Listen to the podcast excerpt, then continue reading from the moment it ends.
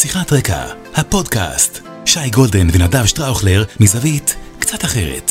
שיחת רקע, מתחילים. אהלן, אהלן. הופה, יש לנו אקו. הופ, הופ, הופ, היי, היי. היי, היי, יש היי, יש, תופס, יפה. בלי האקו פה. אין אקו. אה, ראיתי ספורטאי, ספורטאית עכשיו שקוראים לו אקו? יש? כן, קראתי, אני אמצא את זה תוך כדי. טוב, אה, הלאה. סמואל אקו? סמואל אקו, אותו אין לי, הנה הבאת פה, זה הברקה.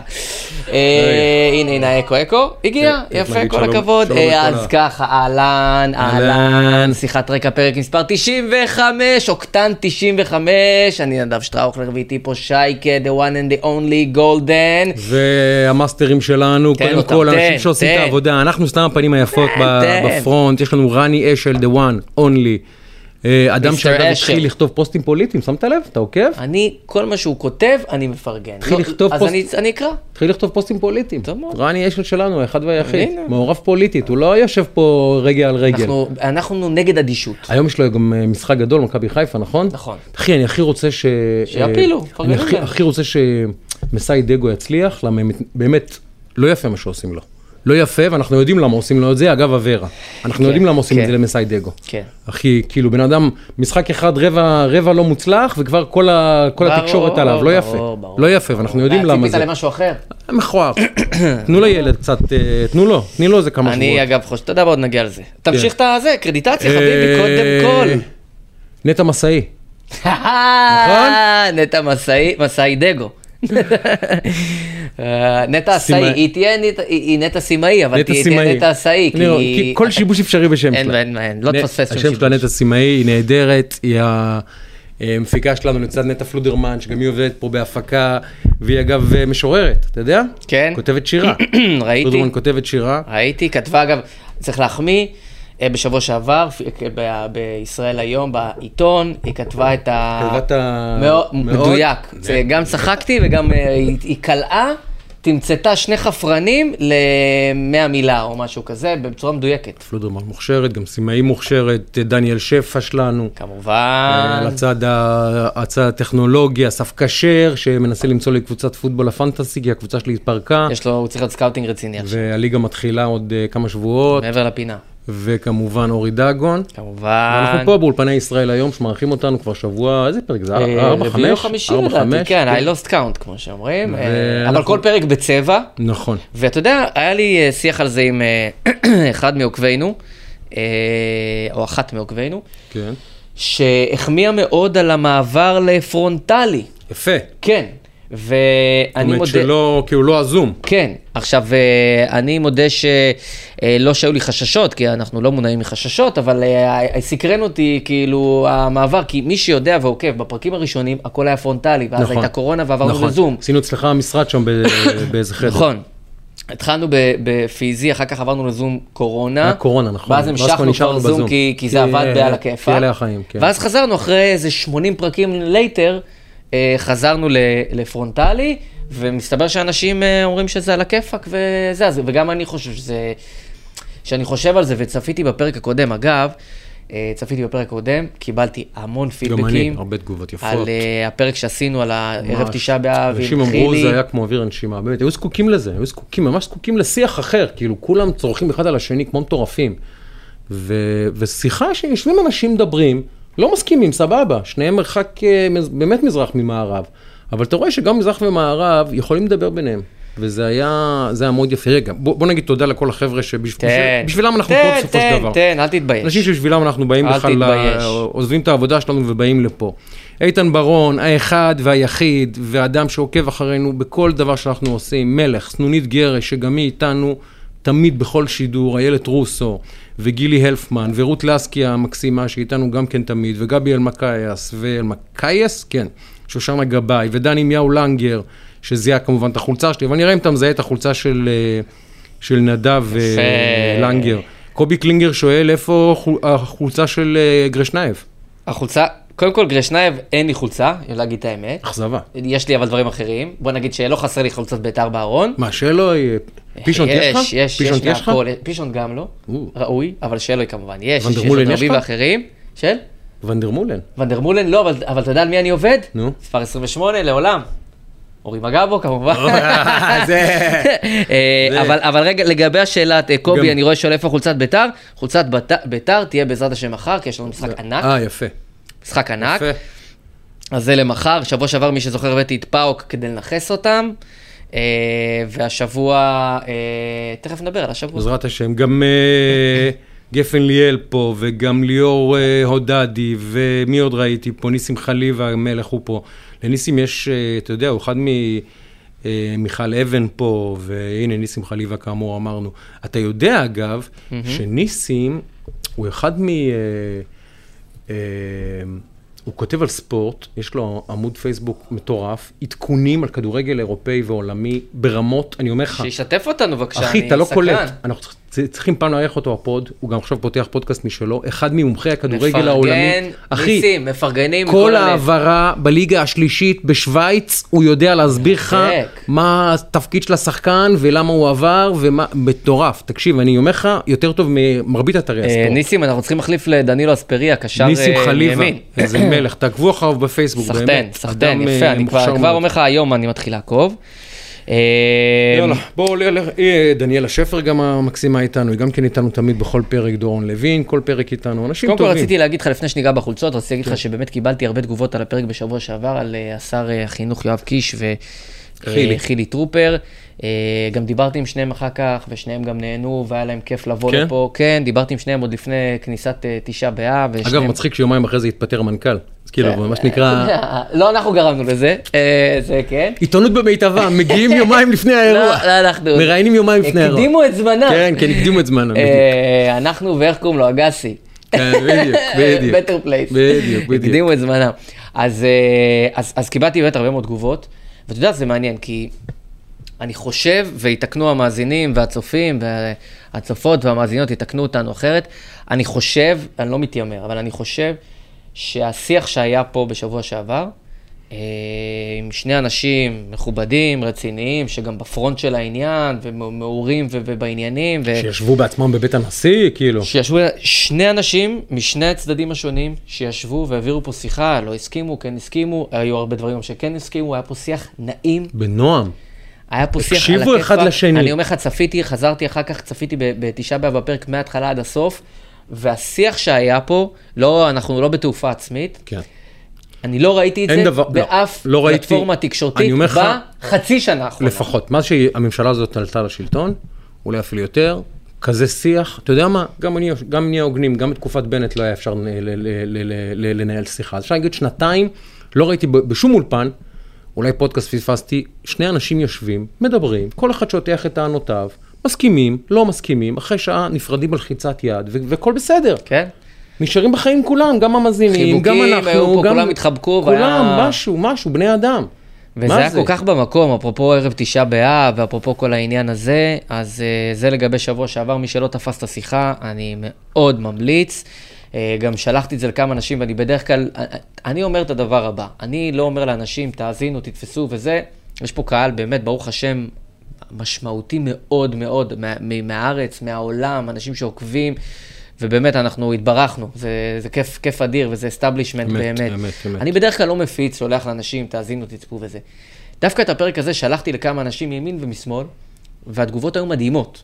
כאילו, כמה באמת צריך שיח כזה. ממש. גם אנשים שנמצאים בצד יותר עיקש לגבי צדקת דרך כזאת או אחרת, וגם אנשים שהם יותר מתונים, אבל נמצאים בצד כזה או אחר, מפגינים וכאלה. גם, חלק הסכימו, לא הסכימו, יותר עם חילי, יותר עם קיש, יותר, לא משנה. אבל היה, אה, אז אני מאוד ממליץ למי שלא תפס את ממש. הפרק, לתפוס אותו, זה לגבי זה. היום יש לנו דברים אחרים על הפרק. על הפרק אה, לגמרי. אה, חולצות. רק- חולצות? רק נזכיר למי שפעם ראשונה צופה בנו, ואני מניח שגם מצטרפים חדשים וכולי וכולי. הנה אורן בוטה מסכים איתנו, ושוש- ושושנה גבאי מסכימה איתנו, וניר בלאו המקסים, שגם כן איתנו הרבה זמן, מסכים איתנו, שצריכים לדבר ולא לצרוח. אה, רק נגיד, נדב שטראוכלר, אחד היועצים האסטרטגיים הבכירים במדינה, שותף במשרד התקשורת לעניין הוא אה, שטראוכלר, יועץ אסטרטגי, ליווה את כמעט את כל הפוליטיקאים הבכירים בישראל, קמפיינים מאחורי, לפני הקלעים, שירת גם uh, תחת uh, מר נתניהו בבחירות מספר 2, 1, 2, 1 בסבב, לא מצליח לזכור. 2019 א'. 2019 א', רב סרן בדובר צה"ל, אה, ומי שמנהל אה, משברים לחברות, גופים, באמת, אה, אדם שמבין את המשחק האסטרטגי בישראל, אה, אני באמת מכיר את כולם, אחד הטובים שבטובים שבהם, ובלי קשר לזה שהוא חבר שלי והוא משלם לי כסף לפני כל שידור. מקפיד. מקפיד. ואני שי גולדן, עיתונאי 25 שנים וכולי וכולי, אז אנחנו מנסים להביא פה שיחת רקע תמיד איזשהו, אה, כמו שלדעתי זה היה דיוק אה, טוב, את הבפנוכו של המאחורי הקלעים. לנסות לנתח את הדברים קצת מזווית אחרת.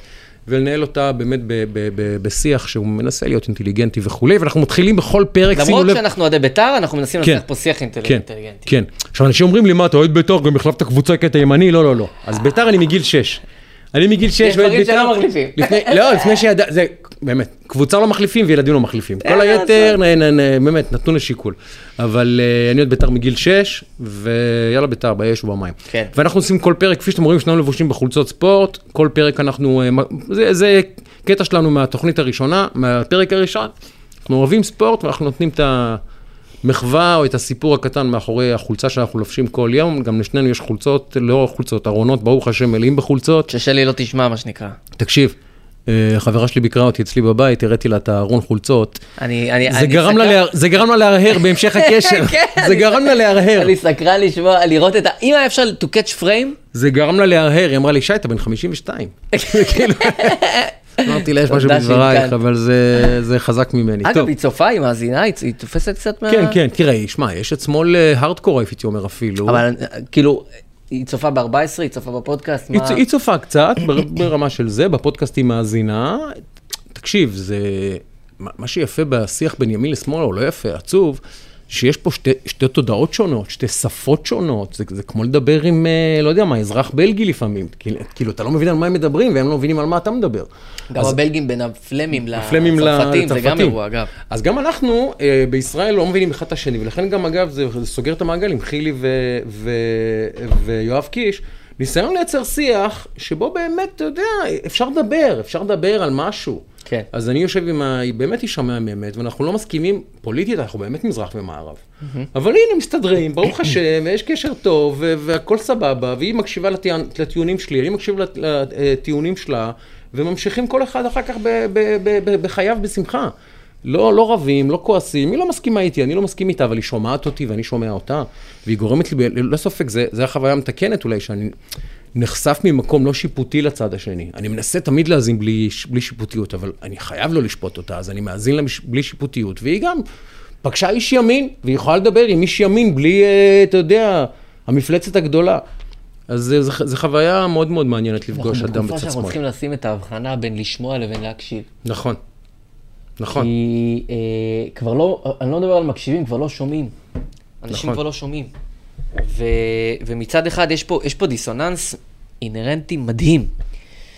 מצד אחד, אנשים פה יצאו מאדישות, וזה דבר כל כך מבורך.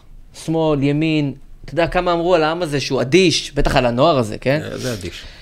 אין פה אדישות. אני חושב שהתקופה הזאת הוכיחה, זו מדינה מעורבת פוליטית? אין דבר כזה בעולם לדעתי. אין אדישות. מטורף. מצד שני, אנשים אדישים לדעה של הבן אדם בצד השני. תשמע, אני נתתי מונולוג השבוע, לא יודע אם הספקת לראות. ראיתי, ב- ראיתי. אצל- אראל.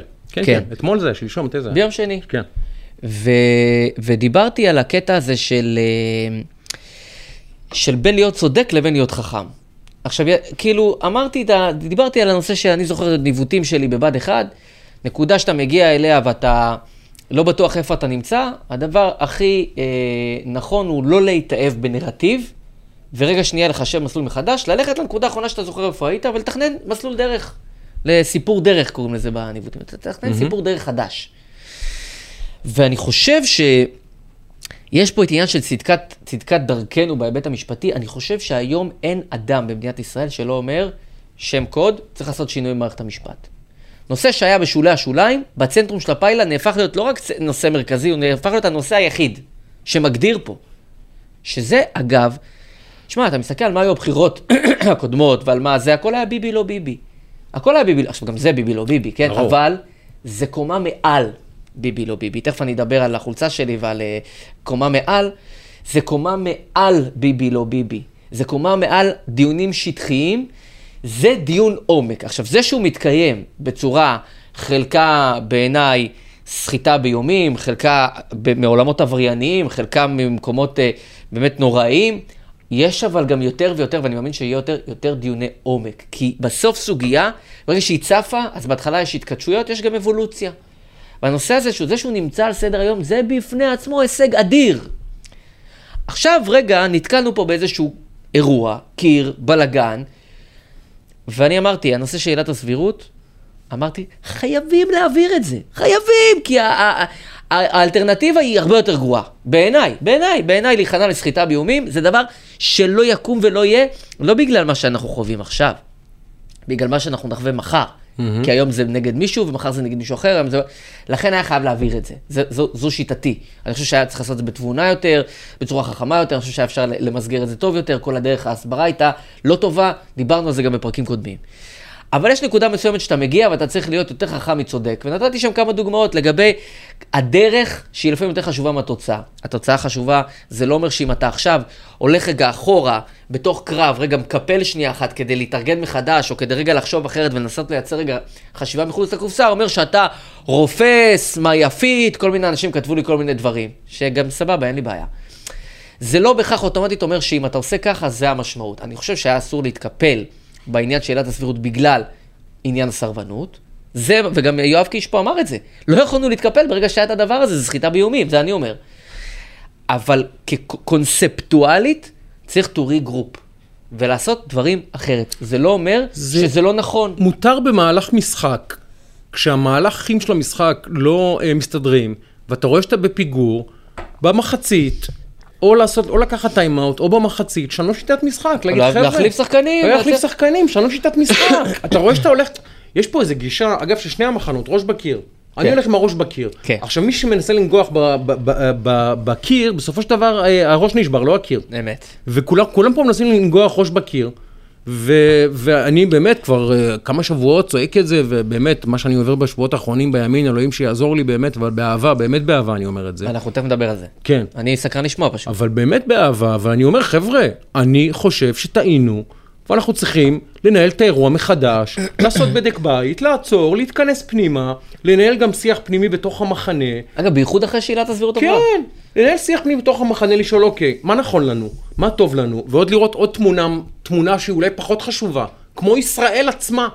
לאן הולכת ישראל? מה אנחנו עושים עם ישראל? יש פה כמה אתגרים לאומיים, טיפה אה, משמעותיים לדעתי יותר מהרפורמה במערכת המשפט, שהיא חשובה.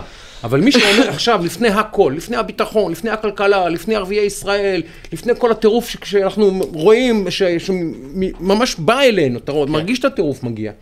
אנחנו עוסקים רק במערכת המשפט. חבר'ה, איבדתם את הפוקוס. כן.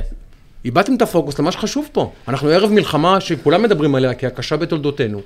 המצב הכלכלי פה הוא לא מי יודע כמה. חברה ישראלית נקרעת לגזרים. יש פה פצעים שנצטרך ללקק ודברים שנצטרך לתקן אחרי התקופה הזאת, שאני לא יודע כמה זמן ייקח לתקן, וכמה דברים אה, נצליח, נצליח בכלל לאחות. יש פה עוד מיליון אתגרים בפנים, מערכות שקורסות, מערכות שלא לא מתפקדות, סוגיות באמת דרמטיות, כמעט בכל משרד ממשלתי יש סוגיה דרמטית, ואנחנו עסוקים רק במערכת המשפט. עכשיו, אני לא אומר זה לא חשוב, אבל באימא שלנו, באימא שלכם, באימא שלי, באימא של כולנו, בואנה.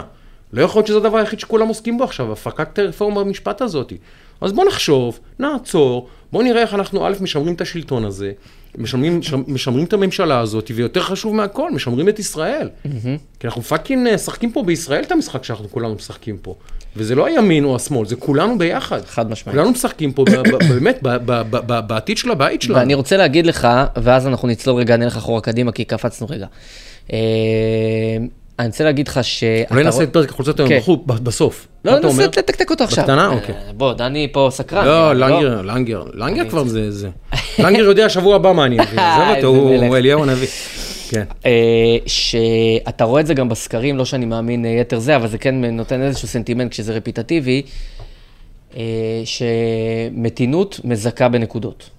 ואני חושב שהשיח שאנחנו גם מדברים פה, גם אפשר, אתה יודע, להסכים פחות, להסכים יותר, והסנטימנט הזה והנרטיב שדיברנו פה כרגע, אני חושב שהסיפור לחפש כרגע אה, נקודות ממשק ונקודות מאחדות, אפרופו שבוע שעבר ואפרופו מה שדיברנו עכשיו, אני חושב שזה הנרטיב המרכזי, ואני חושב שיהיה רעש אגרסיבי של מיעוט של שקמה ברסלר מצד אחד, ואנשים אחרים מצד שני, אגב, אני מכבד את כולם, אני לדעתי אומר על זה ב- בפרהסיה. אה, שיחשבו אחרת וזה גם בסדר. אבל יש נקודה שצריך רגע להגיע ל- ולעשות אה, זה. אוקיי, בוא נעשה רגע אפרופו regroup, תתחיל אתה.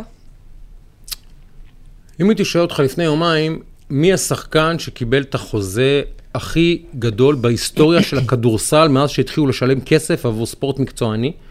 היית אומר לי... לברון הייתי קופץ. לברון. כן, הייתי אומר לברון. אולי אה, יוקיץ', אולי יאניס, אולי לוקה דונצ'יץ', אולי ג'ה מורנט, אבל לא. ג'יילן בראון, מספר 7 של הסלטיקס, שהוא בכלל השחקן השני הכי טוב בקבוצה שלו. נכון. הוא לא השחקן הכי טוב בקבוצה, ויכול להיות שהוא יהיה השחקן השלישי השלישי. הכי טוב בקבוצה, אם פורזינגס ייתן עונה גדולה. עכשיו, ג'יילן בראון יופי של שחקן, הוא לא ב top 25 הטובים בליגה. מה קרה פה? הליגה עוברת, עברה בקיץ, שעב- בקיץ הזה, יותר נכון, העלתה את תקרת השכר, מה שנקרא. יש לכל קבוצה, וזה דבר מאוד הגיוני וחכם גם, איזשהו, איזושהי תקרת שכר. כדי לייצר הוגנות כן, מסוימת. שאותה אסור לעבור, כדי שהעשירים לא יקנו את מי שהם רוצים, והעניים יישארו בלי כלום. ניסו לעשות את זה גם בכדורגל, נכון. לא כל כך עובד. פחות עבד. אז העלו תקרת השכר, ב-NBA זה מאוד אה, מעניין איך זה עובד. אה, תקרת השכר היא 40% מהכנסות הקבוצה בשנה. מחלקים אוקיי. לשחקנים 40 אחוז, כי הם יודעים שהשחקנים, זה ליגה מאוד אה, פרו-שחקנים. כן. אומרים, שחקנים בעצם מביאים את האוהדים, מביאים את הטלוויזיה, מביאים את החולצות, הם צריכים לקבל 40 אחוז מה, מה-revenue, מה שנקרא. והעלו את זה משמעותית בקיץ, ואנחנו, הנהנה הראשון מהדבר מה, דבר הזה הוא ג'לן בראון. זה קצת מסובך להסביר מה זה חוזה סופרמקס, שחקן שזכאי, יש כמה, אה, לא כל אחד יכול לקבל את הדבר הזה, אתה צריך איזה שהם, לעמוד באיזשהם תנאים, להיות בחמישייה שנייה של נבחרי ה-NBA לשנה הנוכחית, לא משנה, הוא בכל מקרה, הוא עמד בקריטריונים, והוא קיבל חוזה לחמש שנים, 305 מיליון דולר. אה, כסף קטן. 60 מיליון דולר לשנה. כן. עכשיו, אני אוהד צלטיקס, ואני אומר לך, אני לא הייתי מרוצה. זה לא סביר. זה לא סביר. אני גם אמרתי את זה פה לאסף כשר. כמה נגיד אה, לברון קיבל? כדי ש- לברון מקבל עכשיו, לדעתי, עושה את ה-35-38. אז אם אני אמנם שלוש יחידות אה, בני גורן מתמטיקה, אבל אמרת חמש שנים 300 מיליון, הוא עושה כמעט פי שניים מלברון. כן. עכשיו לברון בן 40 עוד מעט, בסדר, נגיד, נגיד, נגיד. אבל ג'לן בראון, אני אומר לך, הוא במקרה הטוב בטופ 25. זה לא ריאלי. אנחנו הולכים לראות חוזים של 500 מיליון דולר, של 600 מיליון דולר, דברים שאנחנו לא מבינים בכלל, ש- מה, מה, מה בא?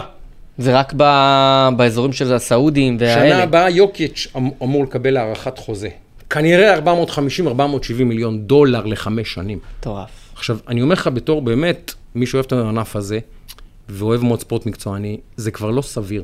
כן. זה לא, אפרופו עילת הסבירות. זה לא סביר ששחק, שאדם יקבל על שנה שהוא משחק בכדורסל, או כדורגל, או בייסבול, או פוטבול, 100 ומשהו מיליון שקל. 60-70 מיליון אה, 200 מיליון דולר, שקל. או 80 מיליון דולר, זה לא סביר. זה לא סביר. הסעודים קונים את כל העולם עם ה... נכון. עם ה זה, זה לא... אחי, אני לא, לא נהנה לראות שחקן שאני יודע שמקבל 120 מיליון דולר כדי לשחק. כן. כי, כי זה כמו, אה, להבדיל, אה, פעם ישבתי, ב, הזמינו אותי לאיזה מסעדה, וישבתי עם אחד מעשירי הארץ. זו פגישה, ש, פגישה, אני הייתי עיתונאי, והוא רצה להכיר אותי, whatever, לא משנה מה, והוא הביא בקבוק יין שעלה 6,000 שקל, אוקיי? והוא מוזג לי כוס יין. עכשיו, אתה שותה כוס יין, אתה אומר, אתה, אתה עושה חישוב בראש. אתה אומר, נגיד, בבקבוק יש נגיד 6 כוסות, אז זה, הכוס הזאת שווה 1,000 שקל. אז אני עכשיו שותה אלף שקל, כל שלוק, אתה, אתה, אתה יודע, אתה, אתה, אתה, אתה מתחיל לחשב, כל שלוק 200 שקל. עכשיו, אתה אומר, מה, הטעם של זה הוא פי 100 יותר טוב מיין שעולה 200 שקל, 300 שקל, 400 שקל, מה זה 6,000 שקל ליין? אז אותו דבר עם ה-60 מיליון דולר הזה, זה לא ריאלי כבר. כן. אני אומר לך, אני אוהב את השחקן, ואני מפרגן לו, והוא גם אחלה שחקן ואחלה בן אדם, הוא גם אמר שחלק מהכסף הוא יתרום לצדקה, והוא ינסה לער- לערב בפרויקטים חברתיים, אבל אני אומר לך, זו נקודה שבה הקפיטליזם אה, מתחיל לקרוס לתוך עצמו. אז אה, תעקוב אחרי מה שקורה ב-NBA, כי אנחנו הולכים לסכומים שמזכירים את ערב. הסעוד- את הסעודית כבר. אגב, אתה יודע מה היין הכי נמכר באנגליה ב-2019? לא? זה נקרא second cheapest wine. יפה. אף אחד לא מבין ביין. אז הוא קונה את השני הכי זול, אז זה היין הכי נמכר. יפה. אוקיי, אני היום... אני אה, מכיר את החולצה הזאת. אתה מכיר את החולצה הזאת. יש לי, דומה לה. אתה, יש לך, כי זו חולצה ייחודית, שיצאה בזמן נתון, שלי היה את הזכות להיות... היית שם במקום. בזמן אמת. בזמן אמת, כשהוציאו את החולצות האלה, אני היום חולצה, אני חייב להסתובב, כי בכל זאת גולת הכותרת נמצאת בגבי. יאללה. מרדונה. The one and only. כמובן דייגו ארמנדו מרדונה, אבל אגב, בעיניי השחקן הכי גדול בהיסטוריה, בלי, עם כל הכבוד למסי ולמגבו. ולאורי מגבו ולפלא, בעיניי הכי גדול בהיסטוריה, שאני ראיתי, כן, אני, בימי חיי. אני, אני מבין גם למה, אה, אבל יש את זה שהוא היה השחקן הכי גדול בעולם, כן, לא, בטח מהכי גדולים בעולם בוודאי. ואמרתי לך, כמו שדיברנו על ביבי ויש משהו שהוא מעל, אז אני לא נתקלתי ברמת סגידה. זה לא הערצה, זה לא הערכה, זאת סגידה. אין לי מילה אחרת, כן? יש את, אה, יש את אה, השם שבשמיים בעיני אה, חברינו הנוצרים בנפולי, 150 מיליון דרגות מעליו, מעל ישו, אתה אומר. יש, כל ישות שאתה רוצה, ישו, מעליו, מבחינתם, מדהים. מרדונה. אין מקום בעיר, דיוס, הכל עם עשר, זה דיוס, הכל זה. אה, כל מקום שאתה הולך בעיר, אתה שואל מי לקח להם, הייתי, ב, ניתן רגע reverse engineering, הייתי באליפות לפני חודשיים, שלושה, משחק באליפות של, האליפות. משחק, ה- בשני משחקי האליפות של נפולי, ב, שזכתה באליפות אחרי 30 וכמה שנים. ואתה מסתכל, כל העיר, אתה אומר, קבוצה זוכה באליפות, אפרופו, מי? השחקנים שהביאו את האליפות. את האליפות. מי הביא האליפות לנפולי? מרדונה, שמת כבר לפני כך וכך שנים. שלוש-ארבע שנים, כן. וכבר לא נמצא בנפולי 30 וכמה שנים. הוא הביא את האליפות לנפולי, זה הרי ברור, תשאל כל ילד, הוא יגיד לך שמרדונה הביא את האליפות. מדהים. זקנים, נשים, ילדים וטף, הערצה, שזה פשוט לא להאמין. אני אומר לך, אני לא, נרא, לא ראיתי הערצה למשהו ברמה כזאת. זה מרדונה, החולצה הזאת זה הספונסר שאז היה ביטוני, זה היה הספונסר שלהם באי שם. אה, זה אז, זה, כן, וואי, זה, איזה זה, קטע. זה, זה חולצה שהם עשו לכבוד האליפות, תבין, כל העיר לובשת את החולצה. מטורף.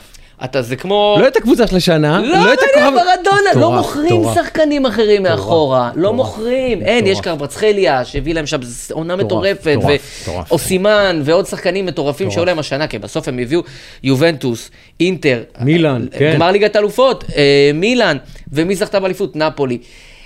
החזיר להם את הכבוד, אה, ככה הם, הם ממש אומרים, החזיר לנו את הכבוד. הוא, לפני 30 וכך שנים, ומי שהביא אותו, זה אדם שקוראים לו קורדו פרליאנו, שהוא היה הבעלים בזמנו והביא אותו, דיברת עכשיו על כמה? 300 ומשהו? כן. אז הוא הביא אותו ב-7.4 מיליון דולר. מטורף. עכשיו תבין רגע מה היום זה... אתה קונה את, אה, איך קוראים לו? את אוסקר גלוך בכסף הזה. יפה, אז, אז רק שנבין, אה, אז אני היום עם מרדונה, באמת חוויה שאני לא אשכח, יצאתי אה, בהלם מהאירוע, זה, זה לא כדורגל, זה לא דת, זה, זה, אני לא יודע להסביר את זה אפילו מדהים, במילים, זה מדהים, כזה, זה, מדהים. וזה לא נפולי, זה לא הקבוצה, כל העיר, שחלקה נראית באמת כמו אה, ח'אן סלאמס, יונס, אחי, כן. אה, אין להם כלום שם, רק דבר אחד, זה מרדונה, והם 30 ומשהו שנים חיכו לאליפות הזאתי, ו-30 ומשהו שנים חיכו כדי שמישהו יביא להם את האליפות, ומי הביא להם את האליפות? מרדונה. מרדונה. אגב, גם. כש, גם כשארגנטינה זכתה, אז uh, ב, ב, ב, במונדיאל, כאילו האחרון, אז אתה, אתה רואה את הפוסטרים שרצו בארגנטינה, מרדונה בשמיים כמו אלוהים, והוא כאילו נו- נותן למסי את הגביע. זה כן, כאילו, מעניק. גם כן, בארגנטינה, עם כל, ומסי באמת, אה, ברמת המספרים כנראה יותר גדול ממרדונה, במספרים. גם, אה, בוא, גם ברמת הכישרון הוא top כן. בעולם, ברור. ועדיין מרדונה כאילו הוא אל. היה זה- בו זה משהו. מדהים. וזה שזה באיטליה, אפילו לא מדבר איתך על ארגנטינה, באיטליה, והוא היה. שם תקופה... מטורף. אז מטורף, זה, אני. היום עם אה, מרדונה, אה, אז זה בעניין הזה. אני רוצה לספר לך סיפור על תקשורת.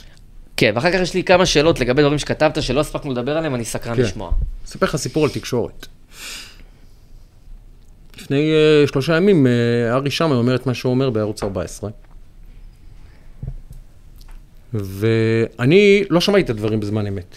מתעורר בבוקר ופותח את האתרים, כל האתרים, אה, ארי שמאי, ארי שמאי, ארי שמאי. הולך לצפות בקטע, וכמו שאתה עושה, צופה בכל הקטע, לא כן. בארבע שניות. אמת. לצפות בכל הקטע, ואני אומר לך באמת, אגב, אני מצ- ממליץ לכולם, כל מי שרואה ייחוס היום בתקשורת של כל דבר שיוצא, שיצפה אם הוא- אם יש בקטע. לו- אם יש לו הוגנות, שיצפה בכל שיצפה הקטע. בקטע. בהקשר. אז הלכתי להקלטה של התוכנית ביוטיוב, ובדרך לאולפן שמעתי את כל, ה- ממש את כל הקטע. כן. כדי שלא יהיה שנייה בחוץ, שנייה, של- שאני אבין גם את הקונטקסט. כן.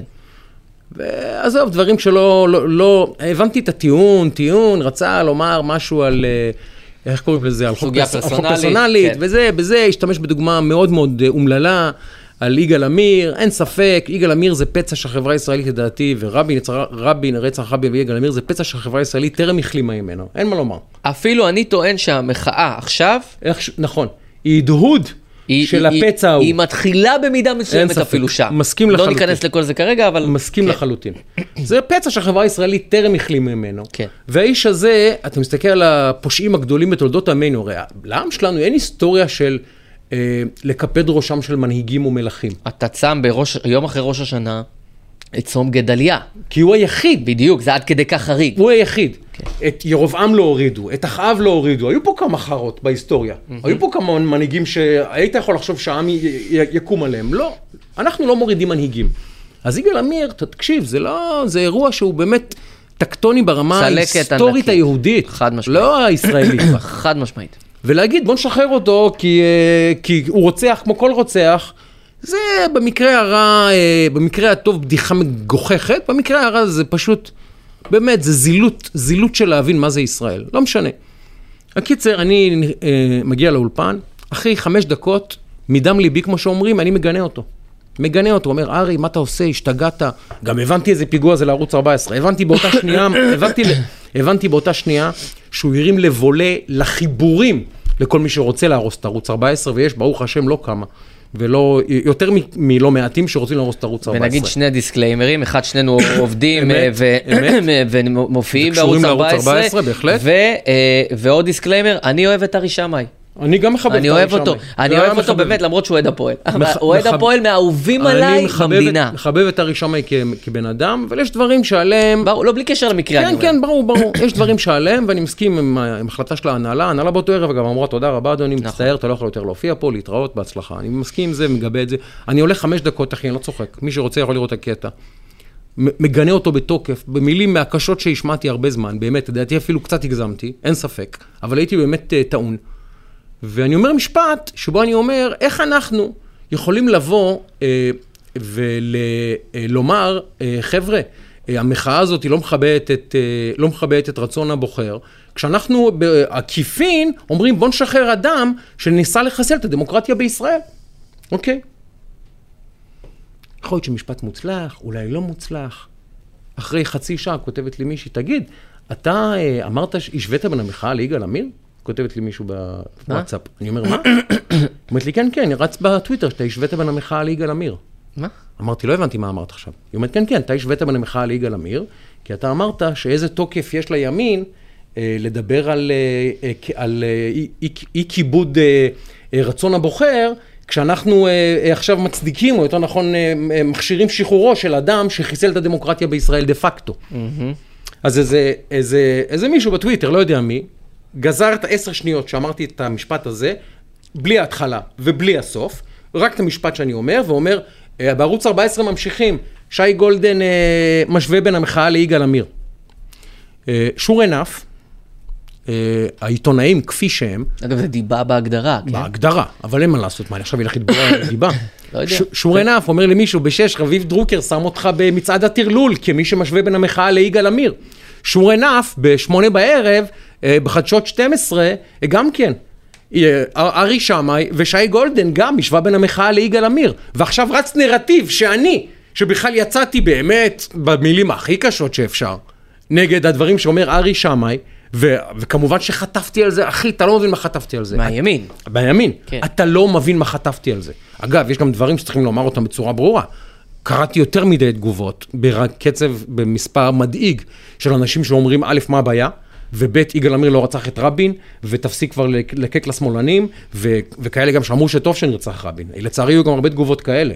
אני לא- אני לא. אני- אין לי מושג, אני לא יודע כמה הם מייצגים, אבל היו, אני קראתי עשרות תגובות של מה הבעיה, עם, מה הבעיה עם רצח רבין, טוב שנרצח רבין, ולמה אתה מתחנף לשמאלנים, אה, רבין הבוגד וכאלה.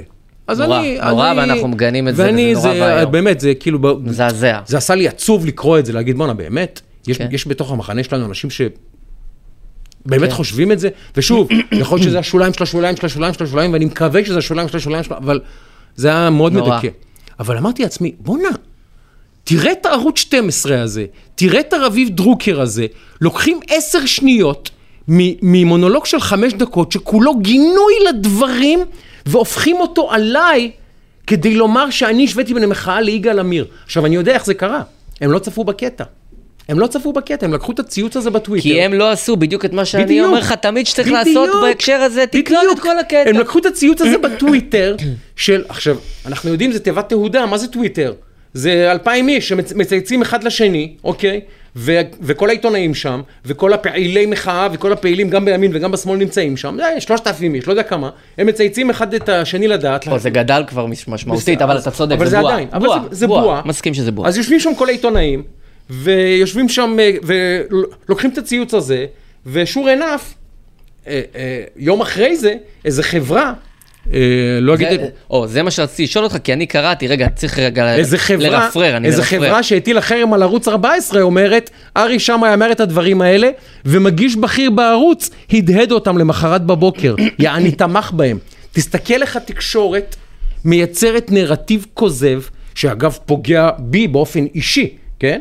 פוגע גם בערוץ באופן אישי, תסתכל באיזה צורה.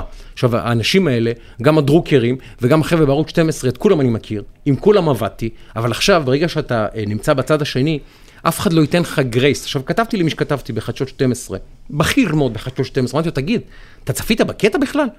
אתה בכלל מבין מה, מה, מה, מה אתה אומר פה? אתה שם, שם אותי בפריים טיים במהדורה שלך, אומר שאני חיברתי בין המחאה ליגאל עמיר, כשאני חמש דקות מנסה בעצם להסביר למה יגאל עמיר זה הרוצח הכי מטונף בתולדות ישראל, ובושה על ראשו של ארי שמאי, ואתה אתה הופך אותי ל, ל, לזה? עכשיו, והוא כותב לי, אצפה בקטע, כמובן שלא חזר אליי. עכשיו, זה מדהים, זה מדהים האטימות. אני, אני, אני לא, לא רוצה לומר רשעות, אבל זה מין, ממש, אה, אתה רואה מבט מזוגג בעיניים, מבט מזוגג בעיניים, שלא מוכנים... אמרתי לו, תצפה בקטע, תגיד לי אם בקטע הזה יש השוואה למחאה ליגאל עמיר, אתה בכלל מבין מה עשית? בחדשות 12, ולמחרת איזו חברה כותבת לערוץ 14 מכתב, מגיש בכיר, כי גם הם צפו בחדשות 12, שהם הסתמכו על הטוויטר, וככה התקשורת בישראל עובדת. איזה צייצן בטוויטר לקח עשר שניות, איזה פסיכופת מחאה קיצוני, לקח עשר שניות, אמר שי גולדמן משווה בין זה, next thing you know זה ויראלי, next thing you know זה ברביב דרוקר, next thing you know זה בחדשות 12, next thing you know זה מגיע לאיזה מכתב שכותבים לערוץ. כי אף אחד לא צפה בקטע. זה. התקשורת בישראל. זה התקשורת בישראל. עכשיו תחשוב אחי, לי זה קרה. תחשוב לכמה אנשים זה קורה. זה מה שמדכא. כי אני יודע שזה לא קרה רק לי. אני יודע שאני לא מקרה אחד בים. אני יודע שזה קרה לעוד הרבה אנשים. וכל מי שאי פעם עשו עליו כתבה בעיתון, או התראיין לכתבה בעיתון, או כתבו על מישהו שמכיר, אומר בואנה, זה לא מה שאמרתי, או זה לא קשור אליי. תחשוב לכמה אנשים זה קורה. כמה מקרים התקשורת פשוט מסלפת מציאות, מסלפת עובדות, מסלפת אה, אה, אה, אה, אה, אה, דברים שאנשים אומרים, ופשוט משחקת בשמם הטוב של אנשים, משחקת בגורלם, משחקת בפרנסתם, משחקת בחירותם, משחקת במה לא, בלי לקחת שום אחריות. וזה, והנה זו אנקדו- אנקדוטה קטנה שקרתה לי השבוע.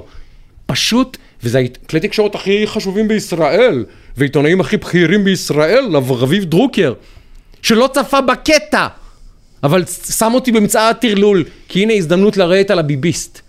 וערוץ 12 אין מה לדבר בכלל, אני אספר לך אחרי זה מי האיש שכתבתי לו, בושה וחרפה זה אדם, שכשהיה צריך אותי בזמן אמת מסוים, כשלא הייתי ביביסט, ידע ל- לכתוב לי ולבקש ממני ולהשתמש בכוחי התקשורתי כדי שאני אקדם את ענייניו, ידע לעשות את זה. ועכשיו פתאום אני ביביסט, אני האויב, אז מותר לשפוך את דמי, ו-next thing you know באמת, זה כבר, אתה רואה גם בוואלה כבר ידיעה, היום הייתה י- י- ידיעה בוואלה, אה, חרם מפרסמים ווטאבר על ערוץ 14 בעקבות דבריו של ארי שמאי, כמו כן שי גולדן נשבע בין המחאה ל- ליגאל עמיר. זהו, זה התקבע כבר. אני חושב שאתה חייב אבל ל- לפרק את הנרטיב הזה, איך- רגע, אפרופו מה שאמרת? פה עכשיו. עכשיו, אני אומר את זה פה, אני מספר את זה פה, יש לי גם תוכנית רדיו ב-102, גם שם אני אספר את זה, אבל זה נרטיב שהתקבע. עכשיו, לך תילחם בדבר הזה. שמישהו fucking יצפה בקטע. זה לא ייאמן הדבר הזה. זהו, פרקתי. אני חושב שאתה, קודם כל, אה, זה... אחד, זה לא מפתיע. לא, אני לא נופל מהכיסא, כן. במובן של המופתע מה, מההתנהלות, במובן הזה שלוקחים קטע ואחר כך עושים לו את האדפטציה, ואחר כך את המינוף, ואחר כך כבר את הקיבוע התודעה. אני מתעסק בדברים האלה לצערי ביום-יום במקומות. אחרים, לכן מה שאתה אמרת... התודעה התקבעה, זה כבר מופיע בגוגל, בשני פרסומים. שי גולדן אה, חיבר בין המחאה ליגאל עמיר, זהו. עכשיו לך תוכיח שאין לך אחות. והדבר השני, שזה גם, על אף שזה זה, זה, זה נורא מבאס. אנחנו בתקופה שהתקשורת באמת, זה חסרת מאוד אחריות. מבאס, מאוד חסרת מבאס. אחריות. אה, אתה יודע, גם כל מיני דברים שלקבל, אתה יודע, אני מסתכל על כל הלגיטימציה שנותנים לסרבנות, ומתפלצפים איתי ומתווכחים איתי, לא, זאת אי התייצבות. תגיד, אני ברב סרן במילואים, מחר בבוקר אני לא מתייצב. מה, זה סרבנות או שזה אי התייצבות? אין היום מישהו שאתה יכול להדביק לו אקדח לרקה ולהגיד לו, תגיע עכשיו למילואים אם לא אתה בקלבוש. אין כזה דבר, כולם זה התנדבות. אז לה- להגיד שזה אי התנדבות, ונותנים לזה גם את הלגיטימציה הציבורית, התקשורתית, שזה בסדר.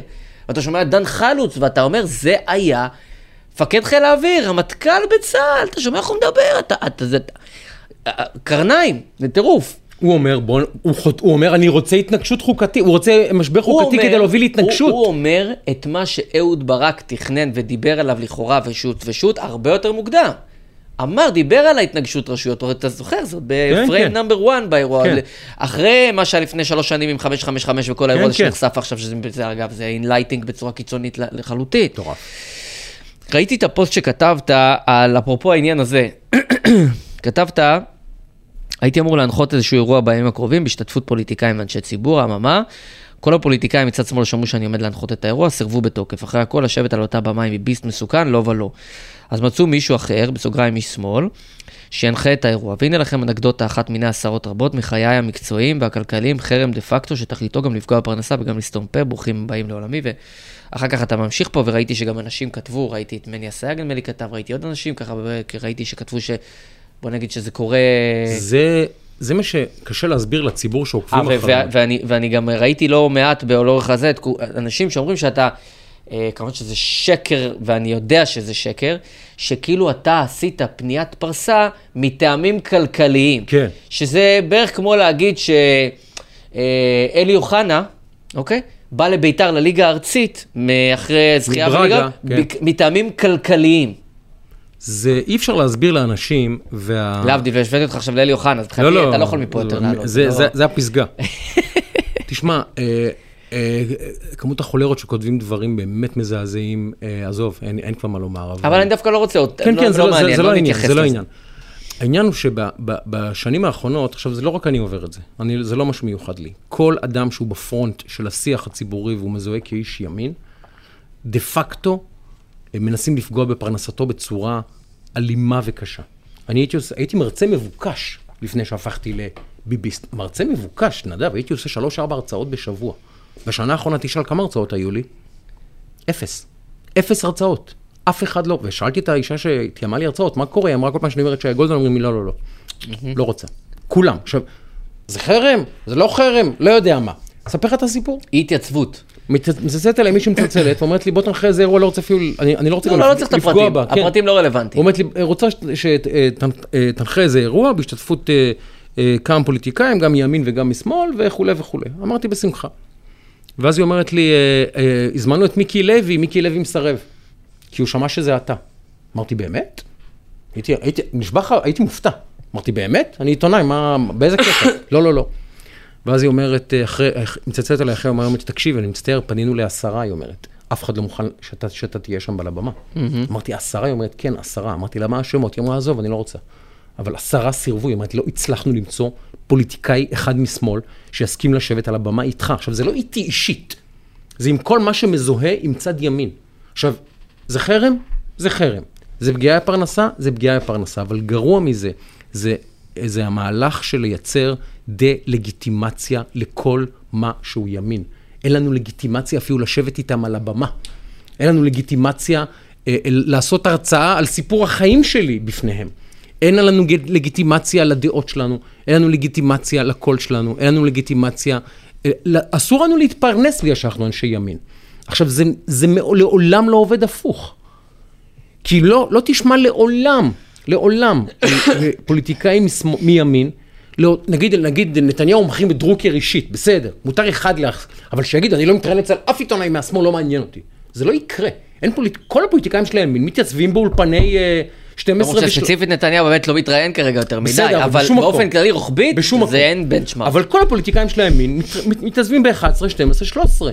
אני, אני אומר לך, אנחנו פנינו לפוליטיקאים בערוץ 14, ש, שלא רק אני, כל התוכניות, הם מסרבים להופיע אצלנו. וזה המהלך. שיש, למרות שאני כן רואה, כי יש גם הבנה של הכוח של הערוץ הזה היום, אה, אני כן רואה יותר ויותר שמגיעים אה, אה, לערוץ כן, אני לא יודע להגיד לך שמאל, מרכז, שמאל, מרכז. עכשיו אחרי פרשת שמאי אני חושש שזה, כאילו, כי מה עשתה, מה, מה, מה, מה עושה פרשת שמאי? פרשת שמאי מקבעת את הדה-לגיטימציה של ערוץ 14, שעובר קמפיין השחרה והסתה אתה. חושב, ש, אתה חושב שבני גנץ לא יתייצב יותר בערוץ 14? אני חושב שכן. בחודשים הקרובים, לא ספק. אני חושב. שכן, אולי לא בשבוע, אבל אני חושב שכן. אני. חושב שהמציאות השתנתה. והם מבינים. את זה, והדבר הזה גם מדלג, עוד ידלגו מעליו. אבל אתה יודע, הזכרת לי שיחה שהייתה לי אה, לפני שבוע, שבועיים על איזשהו פוסט שכתבתי, ומי שעוקב אחריי יודע שאני, נאמר, לא כותב דברים אה, רדיקליים, בסדר? לא. אפשר להגיד ככה. אולי אפשר להסכים, אולי זה, אבל לא כותב דברים רדיקליים. הגיב לי חבר על פוסט שכתבתי גם בהיבט של, ה, אה, של המחאה ושל הזה, לא זוכר בדיוק מה אחד מהדברים שכתבתי בהיבטים האלה. וחבר שאני מכיר 20, 20, ש- יותר מ-20 שנה, מה, מהבית. עכשיו הוא, אה, באמת, אדם שאני מחזיק ממנו חבר. אה, לא מישהו שכאילו, זה, גדלנו ביחד.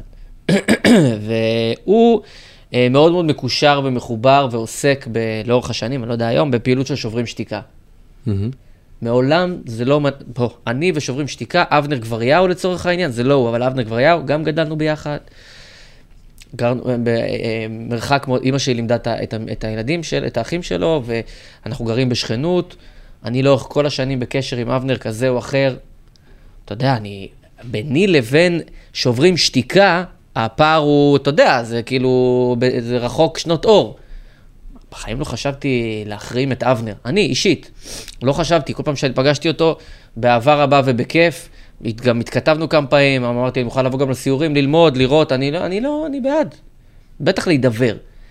אז אותו חבר, שזה, זה, והוא כתב לי על אחד מהדברים שכאילו, אני לא משתמש במינוח הנכון- המדויק, אבל זה זה, שבעצם אני אה, אה, שופר אה, תודעה של אה, ביבי, ושאני אה, לא יודע מה המילים, מתנחמד, או כל מיני מילים אחרות אה, כאלה בסגנון הזה, ואני מסכן את, ה, אה, את העתיד של, ה, של הילדה שלו במדינת ישראל. אני איום ישיר. נדב טראוכר. אני מאיים על איום קיום ילדתו ישיר בארץ על ישראל. הקיום של הבת שלו בארץ ישראל. עכשיו תראה, ומילים קשות. מאוד. עכשיו אני אגיד לך מה. אה, כי גם יכול להיות שהוא יאזין לזה וכולי, אני לא יודע.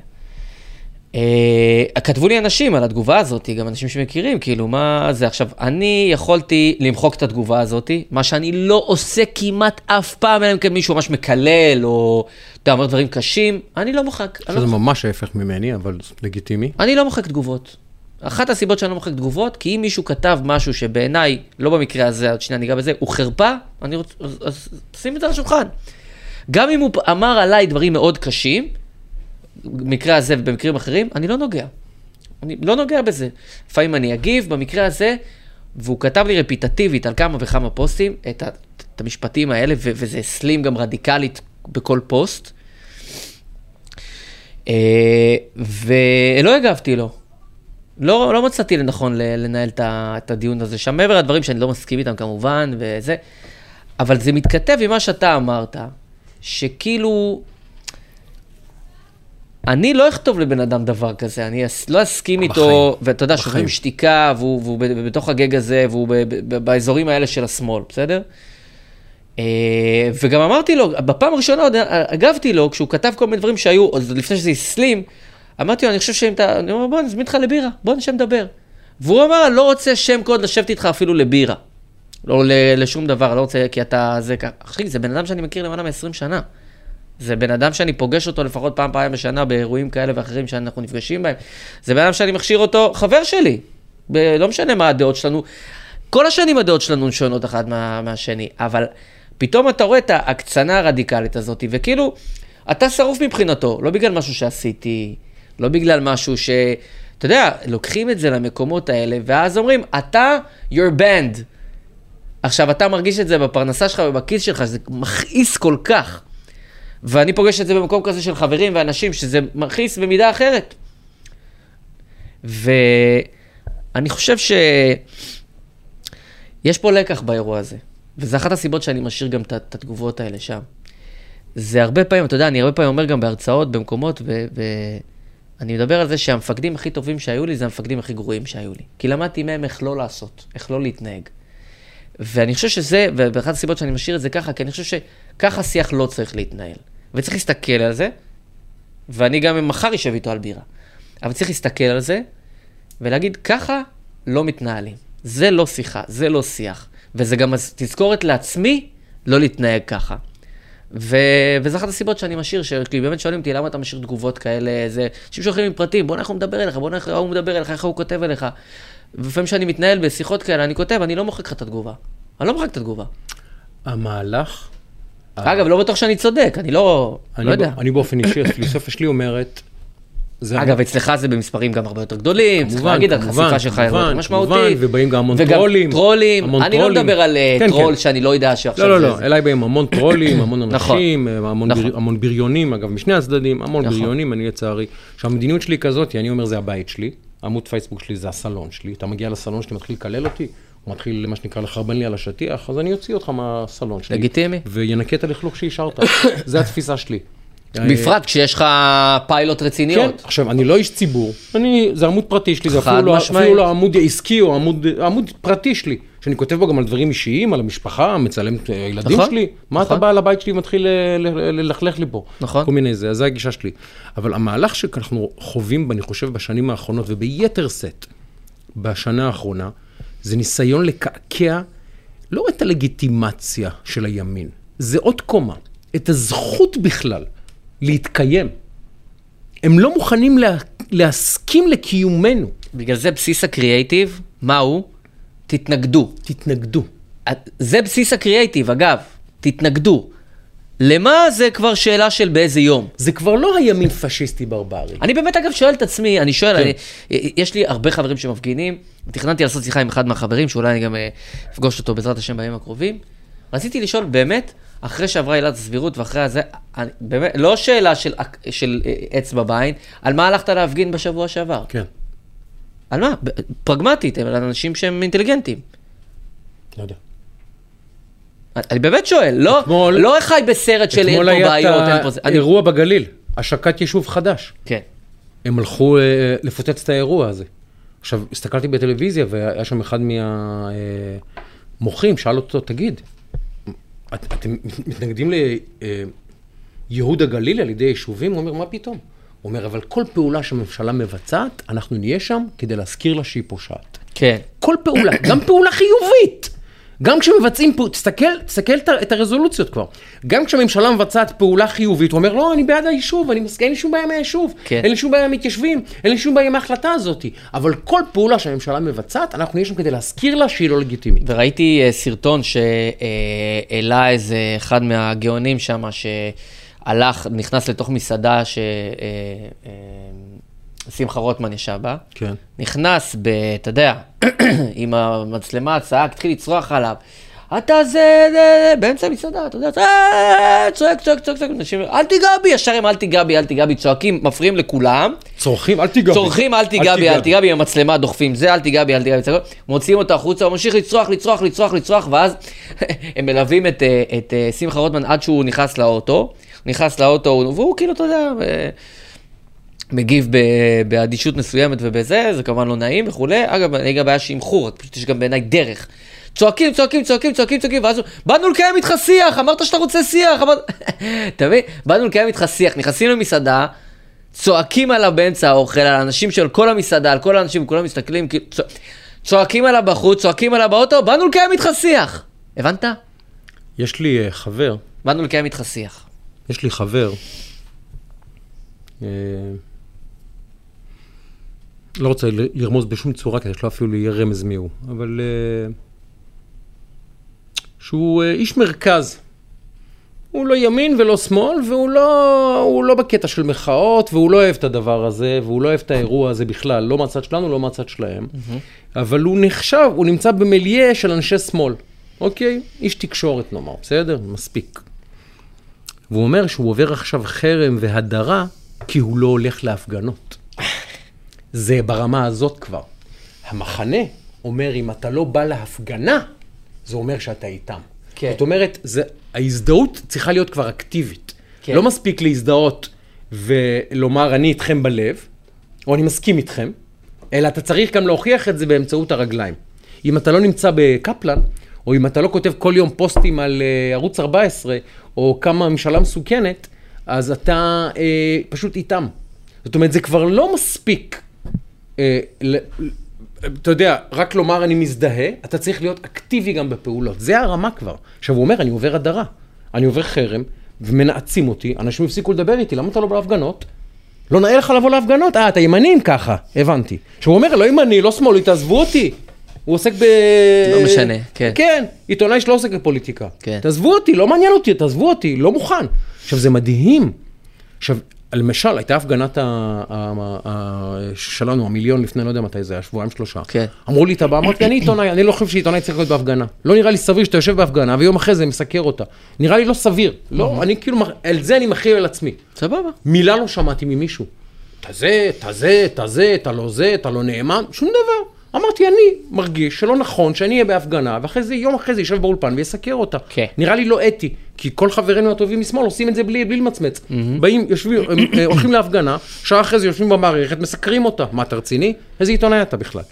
אז, אבל מעולם לא שמעתי מילת ביקורת מאיש בימין על זה שאני לא, שת- לא, לא משתתף באף הפגנות, כעיתונאי אני מכיל את זה על עצמי. מילה לא אמרו לי מילה רעה. בצד שמאל, אם אתה עיתונאי ואתה לא בא להפגנה, אתה עובר חרם. עיתונאי, שממילא אסור לו להיות בהפגנה כי זה לא אתי. להיות פעיל פוליטי ואז לסקר פוליטיקה, זה בדיחה כבר.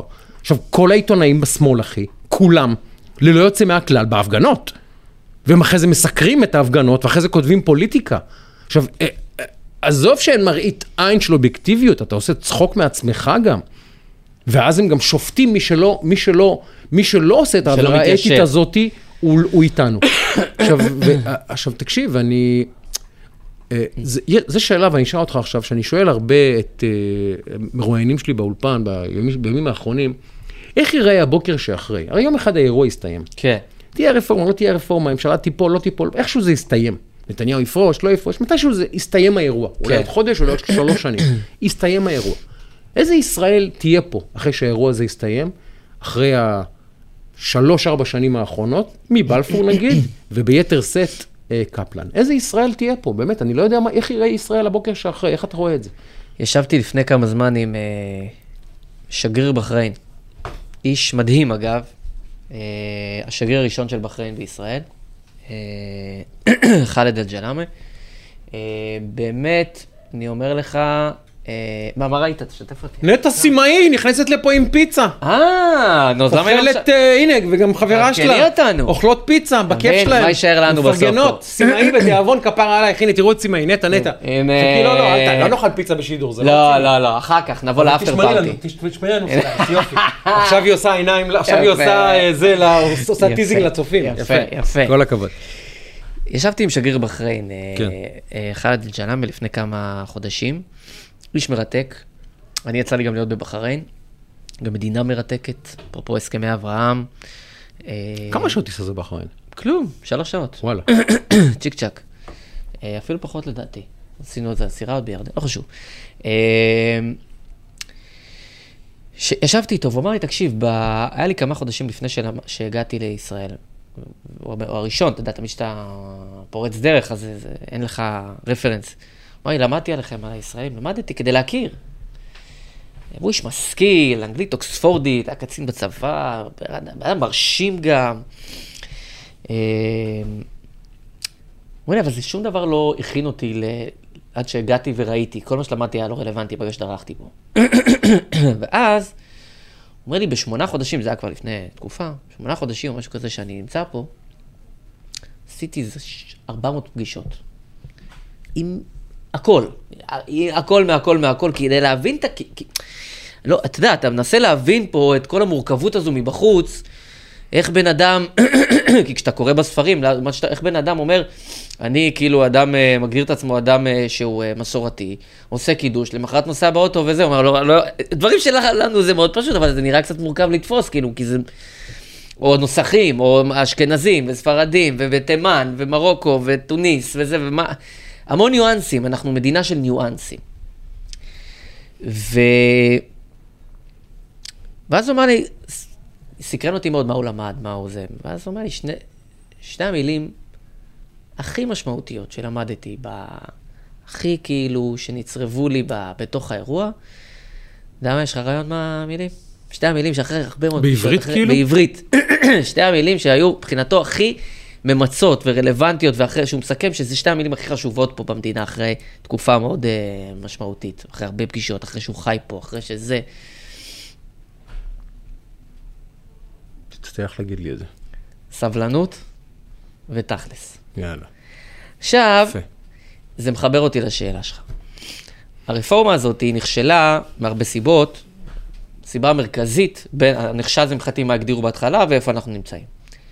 הסיבה המרכזית בעיניי זה שטיפלו בה, כמו בהרבה מאוד דברים במדינה הזאת, בחוסר סבלנות. רוצים להשיג הכל עכשיו. מה לעשות שיש דברים בחיים שהם תהליך.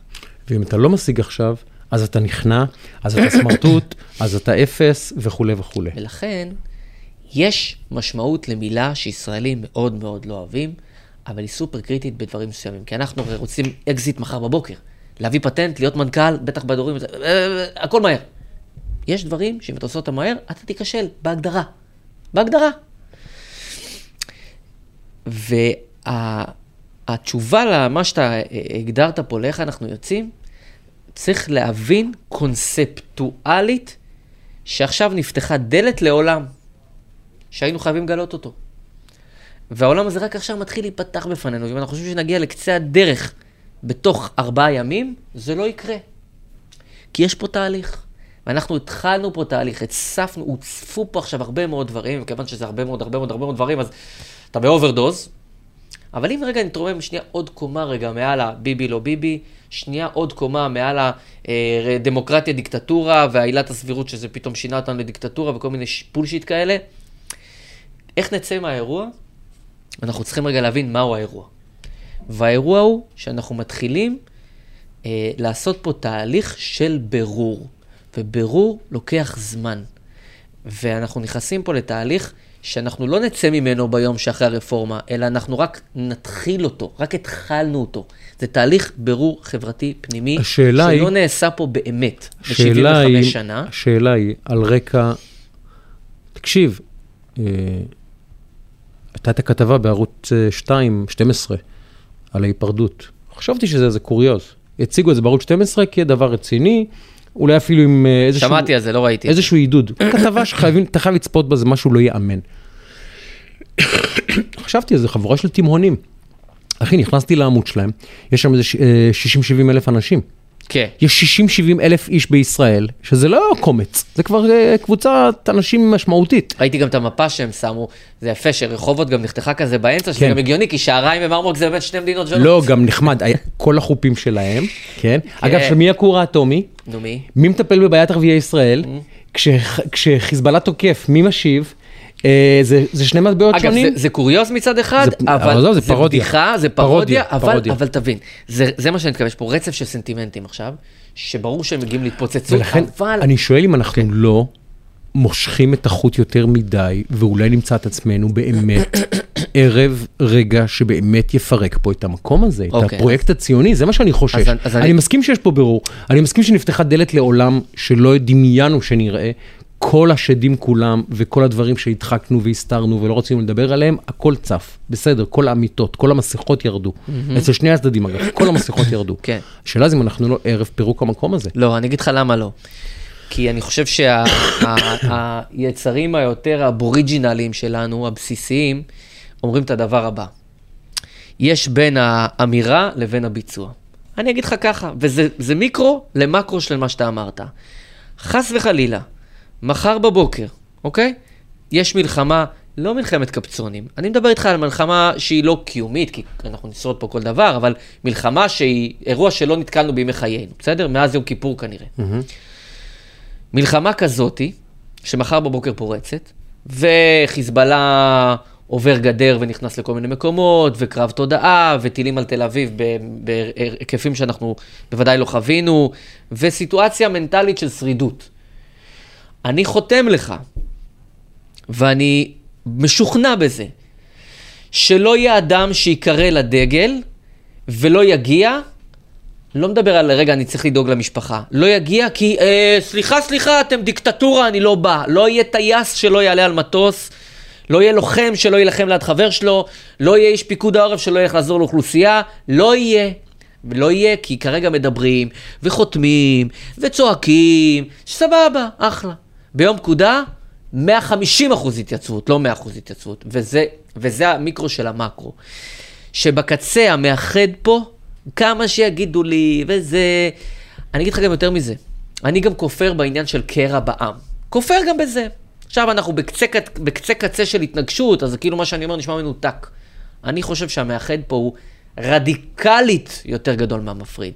ולכן אני חושב שכל הדבר הזה של יהודה וישראל וכל הדברים, מנסים לקחת פה סנטימנטים של, שבגדול, כשאתה מסתכל על עשרה מיליון איש, נגיד, הם בשוליים, אוקיי? כי אנחנו, כאילו המדינה חיה רק את גוש דן, למרות שגוש דן זה מיעוט ביחס למדינה, מה לעשות? זה, מסתכל גיאוגרפיה ומספרים. ולכן המסה הקריטית של המדינה הזאתי כן מחפשת, מוצאת ותייצר את המאחד יותר מהמפריד. יש פה קבוצה שהיא יחסית קטנה, באוכל... לא מעט אנשים, ואני דיברתי מיליון פעם על, ה... על המפגינים, וזה לא רק המפגינים, יש פה קבוצה שהיא קבוצה שבעבר הייתה יותר דומיננטית מאשר היא היום. אבל היא עדיין מחזיקה בהרבה מאוד אלמנטים מאוד דומיננטיים במדינה הזאת. מרבית מוקדי הכוח. מרבית מוקדי הכוח. הכוח. וכרגע היא נלחמת במידה רבה על, במרכאות, הישרדותה והיכולת שלה להחזיק במוקדי הכוח. ויש פה, ההתנגשות היא באזורים האלה, היא לא ביהודה וישראל. זה בעיניי בלוף יחצני. המהות פה עדיין הרבה הרבה יותר חזקה. אה, לא מספרים פה על האחווה, על הרעות, על, על, על אינסוף, ואני אדבר על זה בפרקים הבאים, על אינסוף מבצעים של אנשים שעוזרים אחד לשני, ועל שכנות טובה, ועל מלא דברים, כי זה לא מעניין, אבל זה קיים. וזה במציאות, וזה קורה, ולא רק זה שאנחנו הכי הרבה תורמי כליות פה מכל העולם בפער מטורף, אפרופו חילי שהיה פה שבוע שעבר, אבל לא הספקנו לדבר איתו על זה. לכן אני אומר, המאחד גדול המפריד. לכן אני אומר, כשאנחנו נצא מזה, מחוזקים, אבל לא בעוד שבועיים. זה אירוע שייקח שנים. לא הבו, הבוסט עכשיו של ההפגנות. זה אירוע שהוא הרבה יותר גדול מביבי לא ביבי. אנחנו באירוע שהוא מז'ורי בתולדות המדינה אין ספק, והעם. אין ספק. לא בגלל המחאה. אין ספק. אלה סימפטומים. אין ספק. ולכן אני מאוד אופטימי, כי היינו חייבים להגיע לבירור הזה, וזה בירור שייקח זמן, אנחנו נצטרך פה סבלנות, ואנחנו נצטרך פה תכלס. זה מה שיקרה. ואני מאוד מקווה שגורמי הכאוס, ויש פה גורמי כאוס שפועלים בתוכנו. חד משמעית. כולל גורמי כאוס. ומפעילים פה את כל הכלים, וגם אגב זה, נס גלוי. כי אנחנו רואים פה את הכלים ואת הפעלתם, ואתה יודע, כמו להבדיל, גוף שהוא נלחם בדברים וכולי, אחרי שהוא נלחם, אז הוא מבין, אוקיי, הבנתי, הבנתי. אני חושב שבעיקר, אה, אולי לא בעיקר, אחד מהמאפיינים של התקופה הזאת היא אה, באמת אה, בגידה מוחלטת, ממש בגידה מוחלטת של אנשים בערכים הכי ראשוניים, מוסכמים בכלל. על כולנו. יש את בגידת האליטות, אה, האקדמיה וכן הלאה, שפשוט אה, אה, פשוט בוגדות, בוגדות בתפקיד שלהן. הרי מה התפקיד של אקדמיה? מה התפקיד של אינטלקטואלים? מה התפקיד שלהם? להעמיק, לחשוב, לנתח, לייצר שיח עמוק. ושור... לאפשר דעות. שורת מקהלה מפחידה באקדמיה. בגידת התקשורת, שורת מקהלה מפחידה בתקשורת. עכשיו, הם מדברים על ערוץ 14 כעל ערוץ קיצוני וזה וזה, אבל אין להם שום יכולת להסתכל בעצמם. ערוץ 13, אמרתי את זה אצל uh, נדב פרי בפודקאסט, ערוץ 13 וערוץ 14 הם נגטיב אחד של השני. אז בסדר, ערוץ 14 הוא ערוץ ימני uh, קיצוני. נגיד, אני לא מקבל הנחת זה, אבל נגיד שאנחנו... אז מה זה ערוץ 13? זה נגטיב של הצד השני. עכשיו, אין שום יכולת של התקשורת המיינסטרים, שעדיין, 90% מהתקשורת המיינסטרים היא לא ימין. אני אתן לך דוגמה, אתן לך דוגמה. אתה תיתן לי דוגמה, ואחר כך אנחנו נדבר על מה שאנחנו לא מפספסים באף פרק, ואחר כך אנחנו כן. נקנוס את עצמנו. עכשיו, אנחנו יושבים בישראל היום. עד לפני 3-4 שנים, ישראל היום היה ערוץ 14. בתודעה של התקשורת הברנז'ה, המיינסטרים. ב perception. כן, בתקשורת של ערוץ המיינסטרים. האויב, האויב. מה לא ניסו לעשות כדי להרוס את העיתון הזה ולפגוע בו ולהזיק לו, ואיזה הכפשות, ובכל כלי התקשורת השתוללו עליו. ואז הערוץ, העיתון, וזה דבר לגיטימי, שינה אג'נדה, שינה קו מערכתי, הכל בסדר, ופתאום הוא לא האויב. עכשיו, היכולת, הרי, ואז, הרי כשהוא היה האויב, העלילו עליו הכל. הוא חינם, הוא מנסה לשבור את שוק התקשורת בישראל, הוא כזה, הוא כזה, הוא כזה. עכשיו, העיתון הזה לא החליף 100% מכוח האדם שלו, הוא שינה קו מערכתי. מרבית העיתונאים שעבדו לפני שלוש שנים, כשהם היו הדמון הכי גדול של התקשורת בישראל, נמצאים פה עדיין, כן? לא, לא החליף 100% מכתביו. אבל ברגע שהוא שינה קו מערכתי, פתאום זה בסדר. עכשיו, יש פה בגידה של התקשורת הישראלית בתפקיד שלה. זה אנשים שפשוט, למשל הסיפור הזה עם, אה, עם אה, איך קוראים לזה? אה, דירוג האשראי של ישראל. הרי, תסתכל, כל יומיים אומרים לך, הדבר הבא הוא חורבן המדינה. הרפורמה של קרעי זה חורבן המדינה, זה סוף המדינה. אם הרפורמה של קרעי עוברת, סוף המדינה, אין תקשורת יותר. כי הולכים פה, ב, ב, בהקצנה הולכים לאלמנטים המוחשים והבסיסיים ביותר, ו... החופש. עכשיו, זה הכל, אין כבר שום... אה, אין דרגות להפחדה כבר, זה הכל יום הדין, סוף המדינה, סוף התקשורת, סוף חופש הביטוי, אין דרגות כבר. כן. בסדר, אני גם, דיברתי איתך על הרפורמה של קרעי, יש לה הרבה בעיות. כן, אבל להפוך אותה לסופה של ישראל הדמוקרטית, אותו דבר עם דירוג האשראי, הסבירו לנו שאם ישראל, אם דירוג האשראי שלה ירד, אגב... מה שקרה לארצות הברית לפני ארבע שניות. בדיוק. עכשיו, פרופסור זליכה הסביר לי, מה זה דירוג אשראי? זה היכולת של מדינה להחזיר את החובות שלה למדינות שהיא לוותה מהן. עכשיו, לישראל יש בעתודות הדולר שלה פי שלוש מהחוב שלה. אז הוא אומר, אפילו תאורטית אי אפשר להוריד לה דירוג האשראי, כי אין, אין לה שום קושי להחזיר את החובות שלה. עכשיו, הסבירו לנו שאם ירד דירוג האשראי בגללך ובגללי ובגלל הרפורמה ובגלל אה, אה, כל האנשים החשוכים מהימין, אז ישראל פשוט זהו, זה סופה. כן. אנחנו הופכים פה ל... להודו שלפני אה, אה, אה, 90 שנה, או אינדונזיה של ימינו. ו sure enough, אתמול בערב מורידים את דירוג האשראי ל... של fucking ארצות הברית. כן. עכשיו, אני אמרתי, בואו נראה איך יסקרו את זה. כן. קראתי עיתונים כלכליים, כן. סיקרו את זה עניינית. כלכלית, הסבירו מה קרה, הסבירו שהם הגדילו את הגירעון הדמוקרטי, וזה הלחיץ את הסוכניות דירוג אשראי, הסבירו רציונלית מה קרה. אתה אומר, למה לא מסקרים רציונלית גם את הכלכלה בישראל? למה? למה אני, כשאני קורא דיווח על הכלכלה בישראל, מסבירים לי שהורדת דירוג האשראי היא חורבן של כולנו. אנחנו כולנו נסחה עכשיו, אה, נצטרך להגיע עם גונדולות הביתה, כי, כי פשוט כל הרחובות יוצפו. אבל כשמסקרים את ארצות הברית, שיורד בדירוג אשראי, שזה דרמה כלכלית, זה פתאום עניין ענייני, מנתחים, מסבירים. עכשיו, זה בגידה, זה בגידה של כל כך הרבה. עכשיו, אותו דבר בגידה של מה שנקרא אה, אה, אה, אה, ראשי המדינה וראשי השירותים. אתה אומר, בוא'נה, יושב יובל דיס... אה, יובל דיסקין זה השם שלו? ראש שב"כ לשעבר ונדב ארגמן ומעודדים סרבנות? יושב, יושבים רמטכ"לים וראשי ממשלה לשעבר ומעודדים סרבנות, זו בגידת המנהיגים. זו בגידת האבות של המדינה, זה אנשים... דקה לפני שיגידו שאתה עכשיו אמרת בוגד, כן, ובוגד כן, זה סליחה. שקול לזה, כן, וילכו לתנ"ך. כן, אני מדבר על בגידה ערכית, כן. לא על בגידה אה, שצריכים להוציא עליה להורג. בגידה ערכית בתפקיד שלך כאב המדינה. בגידה בתפ... ממש ב... ב... בפוזיציה ש... שקיבלת מהעם הזה. הרי האנשים האלה לא אה, נולדו לתפקיד הזה, העם נתן להם את התפקיד. ו... והם לוקחים את התפקיד הזה ופשוט מועלים בו. ראש ממשלה לשעבר, אהוד אולמרט, הולך לבצע כל יום פיגוע אחר בתקשורת בעולם. הוא יודע כמה זה מזיק לישראל, and he couldn't care less. אז זו בגידה ערכית, זו בגידה בדבר שקיבלת מעם ישראל. ויש פה, ואני המום מבגידת האליטות. ושוב, זו בגידה ערכית, לא בגידה של אה, למסור לאויב אה, לא יודע מה. כן. כן? אני המום מזה. ואתה רואה את זה עכשיו, רופאים שאומרים רילוקיישן. כאילו... לא הרופאים שלו, הקטע המצחיק זה שכל, זה? כל, לא שאני מזלזל בכלום, אבל אה, אחות שעובדת בזה, והיא גם במקרה באגף המודיעין, והיא במקרה גם אה, גרה בתל אביב, אז אומרים לך, התל אביבים, אה, הרופאים ואגף המודיעין, וקציני מודיעין, שזה לפעמים גם all in one, אבל זה שלוש כתבות שונות, נוטשים את המדינה. שני רופאים אמרו, עכשיו אני לא אחי. אומר, אבל יש אנשים שתכננו רילוקיישן גם ככה. אחי, חברה שלי אומרת, אנחנו נשאר בלי רופאים.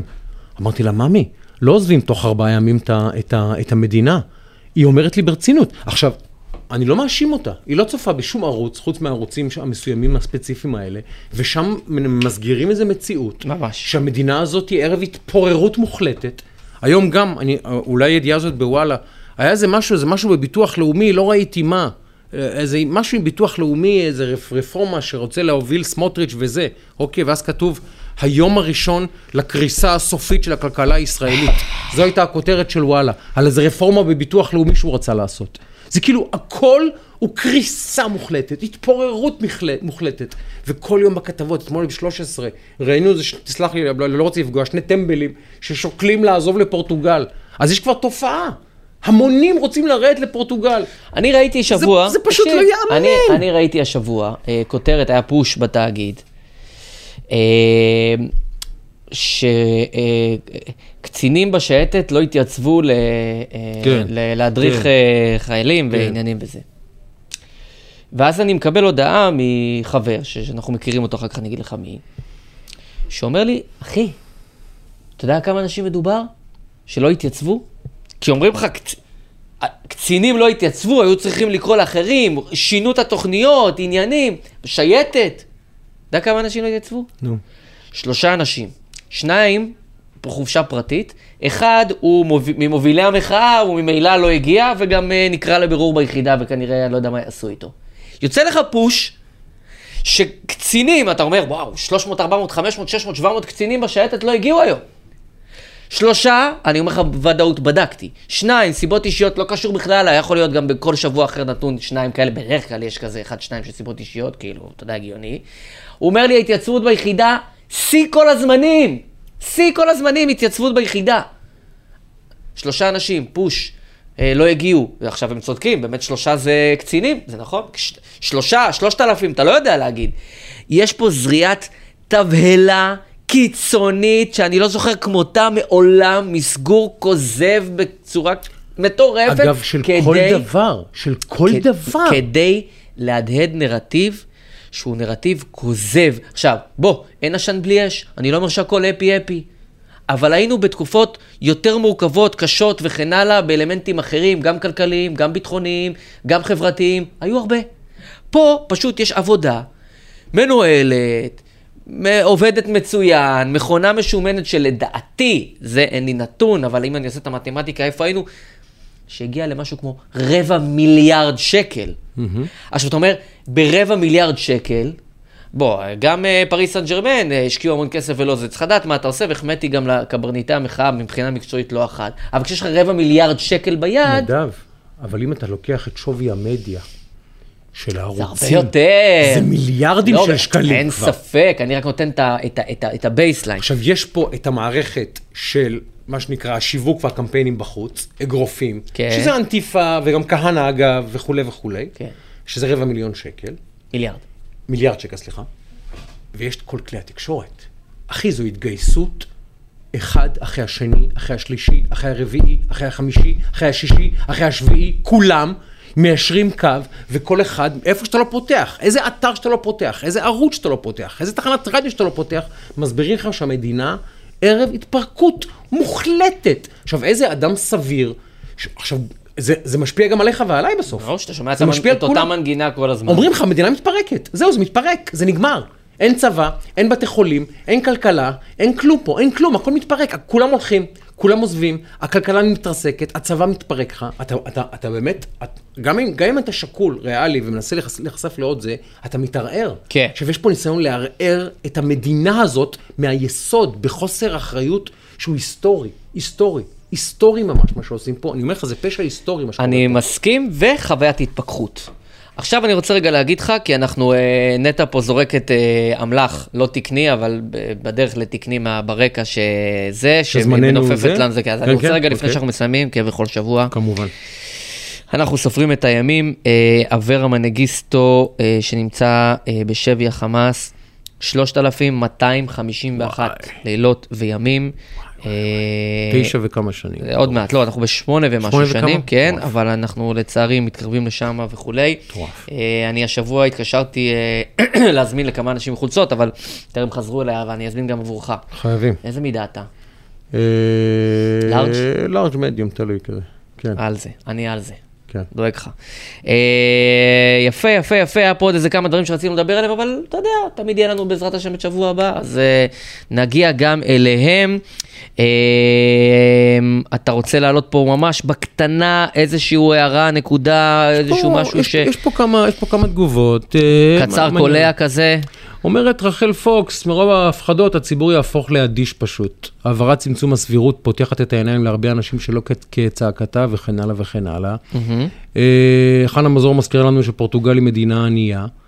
אה, ומי שרוצה לרדת לאיר- לאירופה, אה, אה, כמובן שאומרת שושנה גבאי בצדק, באירופה מי שרוצה לרדת, לא, לא יש, שרופא שבא מישראל, והוא, והוא, אתה יודע, הוא דוקטור בישראל זה משהו, הוא הולך לפורטוגל, מה הוא חושב שיש שם? מה הוא חושב שיש שם? צודקת שושנה גבאי. שלא לדבר על זה שאתה בכל מקום שאתה בא.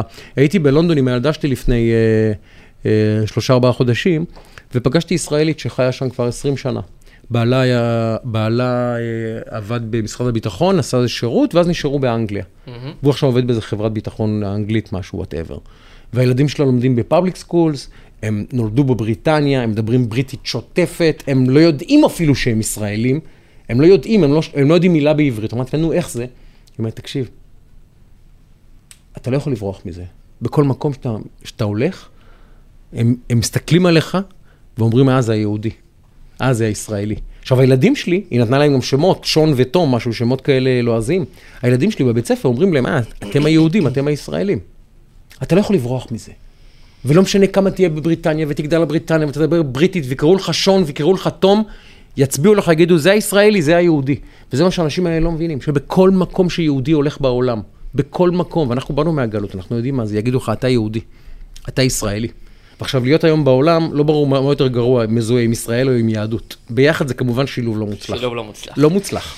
אבל אה, אתה יודע מה שילוב מוצלח? נו. אה, כנראה, כי אני רואה פה גם לפי ההודעות שאני מקבל וזה, שילוב מוצלח זה פה, שאנחנו בישראל היום. כן. והפודקאסט אה, שיחת רקע אה, פה, וגם לא רק פה, יהיה פה גם בשבוע הבא. אמת. ובשבוע הבא יכול להיות שיש לנו גם איזה הפתעה, אז בואו נראה מה. מה העניינים ומה קורה. וזו אחת ההפתעות, אם בעזרת, ואנחנו מתקרבים לפרק 100. חכה. אנחנו צריכים להתחיל לדבר פה עם החבר'ה על הפקת האירוע. אנחנו- הבטחנו שנפתח אותו אנחנו- לקהל א', זה ונפגוש יקרה, אנשים. זה יקרה. אחי, זה עוד חמישה שבועות, אני רק מעדכן אותך. בעזרת השם. אז יהיה, אני אגיד לך, אנחנו נצטרך לתזמן את זה. אה, אם אני מסתכל רגע לפי הזמנים, זה או לפני החגים או אחרי החגים. זה נראה לי אה, ממש... נראה, כי יש לנו שבוע, אני גם לא בארץ סוף אוגוסט, אז אנחנו נדלג על זה. זהו. גם אני סוף אוגוסט נוסע. טוב, מעולה. טיעון טוב. מעולה. יפה, טוב, אחר כך נדבר כן. על זה. כן. אה, בסדר גמור, אז תשמע, אז אנחנו סוכמים את פרק מספר 95, אוקטן 95, יפה מאוד, באת- 95. באנו גם בזה בצבעים של הטיים 95. התדלק. נאחל בהצלחה למכבי חיפה, זה היום, נכון? מכבי חיפה? מפרגנים למכבי חיפה. מפרגנים לרני. אשל, מחר בוקר אנחנו... מחר ביתר, אני רק רוצה מפרגנים. להגיד לך שמחר אה, אני כמובן בזה, ואני אראה לך פה מודעה גאונית שיוצאת היום. שים לב, זה רק ביתר. זה רק ביתר, אין דבר כזה יותר. בטדי. אירופה בטדי. נפגשים במפגש השייח, סניף ה- ראובן המלאך. ראובן המלאך. ראובן המלאך. ראובן. המלאך. תמיד אנשים מביאים פה בריטני, מדונה. ראובן המלאך, המלאך. איזה אז אנחנו. מחר, בעזרת השם, ראובן איזה המלאך. אנשים. אה, איפה זה? איפה זה? מחר מחוץ לטדי. מלך. אתה מבין שהמשחק נמכר סולד אאוט 30 אלף איש. בום. טדי זה 30 כבר? 30 ומשהו, אבל יש קצת הפרדה. רגע, אז מה בעצם האצטדיון הכי גדול בישראל? כי רמת-. גן כבר מושבת, נכון? רמת גן. כבר לא מושבת, נכון? ואי אפשר טדי. לשחק בו, נכון? זה מת. כן. אז מה הוא עושה שם? זה פיל לבן רמת גן? כן. לא הולכים ל... להבנתי, כן. פשוט שיושב שם אצטדיון? כן. אני... יכול להיות שמתאמנים שם. כל הילדות. שלי זה רמת גן, אה, כאילו. ניסיון רמת גן. גם אני, הגמרים, ההצגות בטח. הכפולות, הגמרים. חוויות הכי גדולות של משחקי ה- נבחרת וזה. הגמרים הכי קשים והגמר מהמאושרים שחוויתי היה... ברור. משחקי נבחרת הכי גדולים שהיו בישראל, אחרת, 20 שנה נכון. ראיתי שם. זהו, רמת גן מת, עכשיו טדי הכי גדול? כמה יש גדול. בסמי עופר? 20 וכמה? 31 אלף או משהו כזה, וטדי 33 אלף, 32 אלף, כן. אז יהיה מעניין. טדי מלא, הולך להיות חוויה, בעזרת השם נצליח גם לעבור, בכלל ענק נגד פאוק היוונית. כן. אה, כמה צריכים כדי לעבור? נצח. פשוט לא תנצח, לא משנה. כן, נצח. היה 0-0 שם, תוצאה מדהימה, ממש מדהימה. מדהימה, כן. פאוק הוא הרבה הרבה יותר טובה. אה, אבל יהיה לנו עוד זמן לזה, אז אני בעזרת השם מחר שם, נאחל בהצלחה אתה לחיפה. בטדי. בוודאי. נאחל הצלחה לחיפה, כמובן לביתר. והזדמנות להגיד לכן ולכם, אה, תודה רבה על הזמן, לא מובן מאליו בכלל. אה, פרק 95, אנחנו ב... כבר, אתה יודע, כברת דרך רצינית.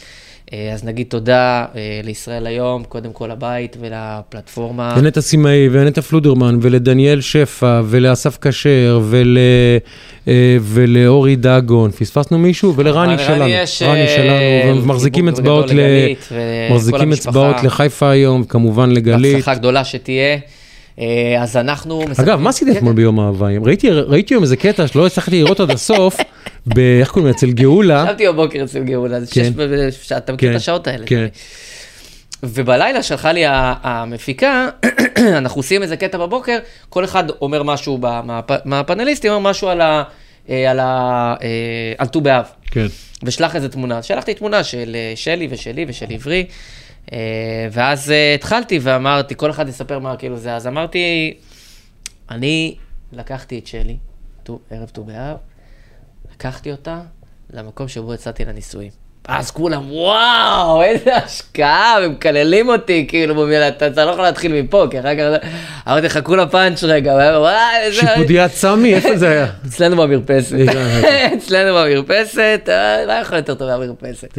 אז זה מה שהיה, זה מה שאמרתי וזה מה שבאמת היה. כי- לא. כי לך תמצא בייביסיטר בערב ט"ו באב, אחי. אותי שאלו יותר בבוקר, מה עשית ליום האהבה? אמרתי, אצלי כל יום הוא יום האהבה. אה, יפה. זה אני לוקח לשנה הבאה. נכון? כל יום הוא יום האהבה, מה קרה? אז אנחנו בעד כל סיבה למסיבה ובעד כל חגיגה, אז גם יש פה קטע מט' באב לט"ו באב, אז עכשיו אנחנו מסיימים באמת ט"ו באב, אז מי שחוגג, אז באמת חג שמח, כל סיבה זה לחגוג על הכיף כיפאק. ונאחל לכן ולכם שיהיה כבר גם סוף שבוע מצוין ועל הכיפאק ובריאות טובה. ושתפו, תעבירו את. הדברים האלה, תעבירו את הפרק הזה ל- לעוקביכם וקוראיכם וצופיכם ומאזיניכם. בהחלט, בהחלט, בהחלט. אז אנחנו היינו שיחת רקע, פרק מספר 95. סלמת.